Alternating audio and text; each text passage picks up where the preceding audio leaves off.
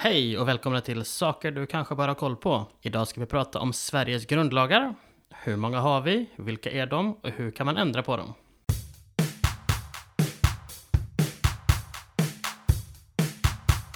Sverige har fyra grundlagar. Regeringsformen, successionsordningen, tryckfrihetsförordningen och yttrandefrihetsgrundlagen där regeringsformen tar en något överordnad position. Grundlagarna innehåller reglerna för hur Sverige ska styras och kan därför kallas för Sveriges författning. De är till för att skydda landets demokrati och är därför svårare att ändra än eh, andra lagar. Om man vill ändra en grundlag krävs att riksdagen fattar två likadana beslut och att det hålls ett riksdagsval mellan de två besluten. Detta för att väljarna ska kunna ta ställning till förslaget om grundlagsändring och välja den riksdag som tycker som de själva gör i frågan. Med lite god vilja kan man säga att Sverige har haft någon form av grundlag i snart 700 år. Med Magnus Erikssons landslag och dess konungabalk som kan liknas vid en regeringsform. Annars var 1600-talet tiden då grundlagar började ta form på riktigt. Sveriges första riksdagsordning, som numera visserligen inte är en grundlag, är från 1617 och 1634 kom den första regeringsformen. Vidare är 1809 års regeringsform värd att nämna då den slog fast att det skulle finnas viss maktdelning mellan kungen och riksdagen. Denna regeringsform gällde ända fram till 1974 då den ersattes av den nuvarande regeringsformen. Men riksdagsordningen ja. Fram till 1974 hade Sverige faktiskt fem grundlagar, med just riksdagsordningen som den femte. Den är numera som ett mellanting mellan grundlag och vanlig lag och kan ändras antingen på samma sätt som en grundlag eller genom att riksdagen fattar ett beslut med kvalificerad majoritet. Kvalificerad majoritet i det här fallet innebär att minst tre fjärdedelar av de röstande måste vara för ett beslut för att det ska börja gälla och samtidigt måste mer än hälften av riksdagens ledamöter rösta. Svaret är ja. I korthet, vad säger då de olika grundlagarna?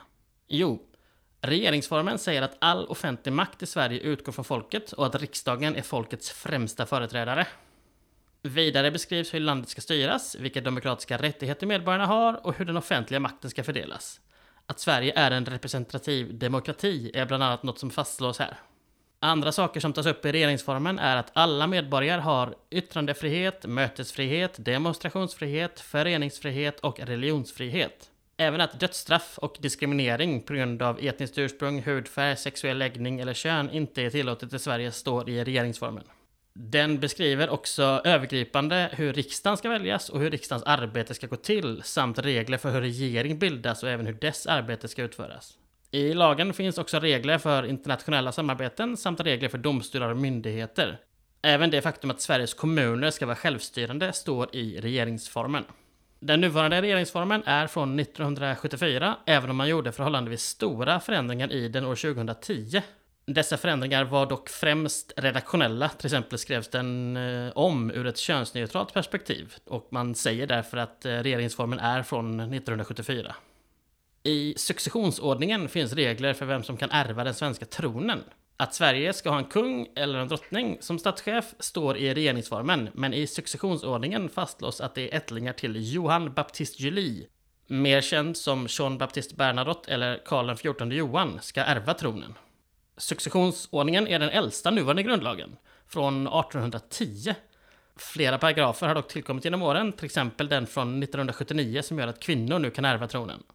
Tryckfrihetsförordningen i sin nuvarande form är från 1949, men redan 1766 kom den första varianten. Vilket gör Sverige till det land som längst haft en lag för större allmän tryckfrihet samt yttrandefrihet.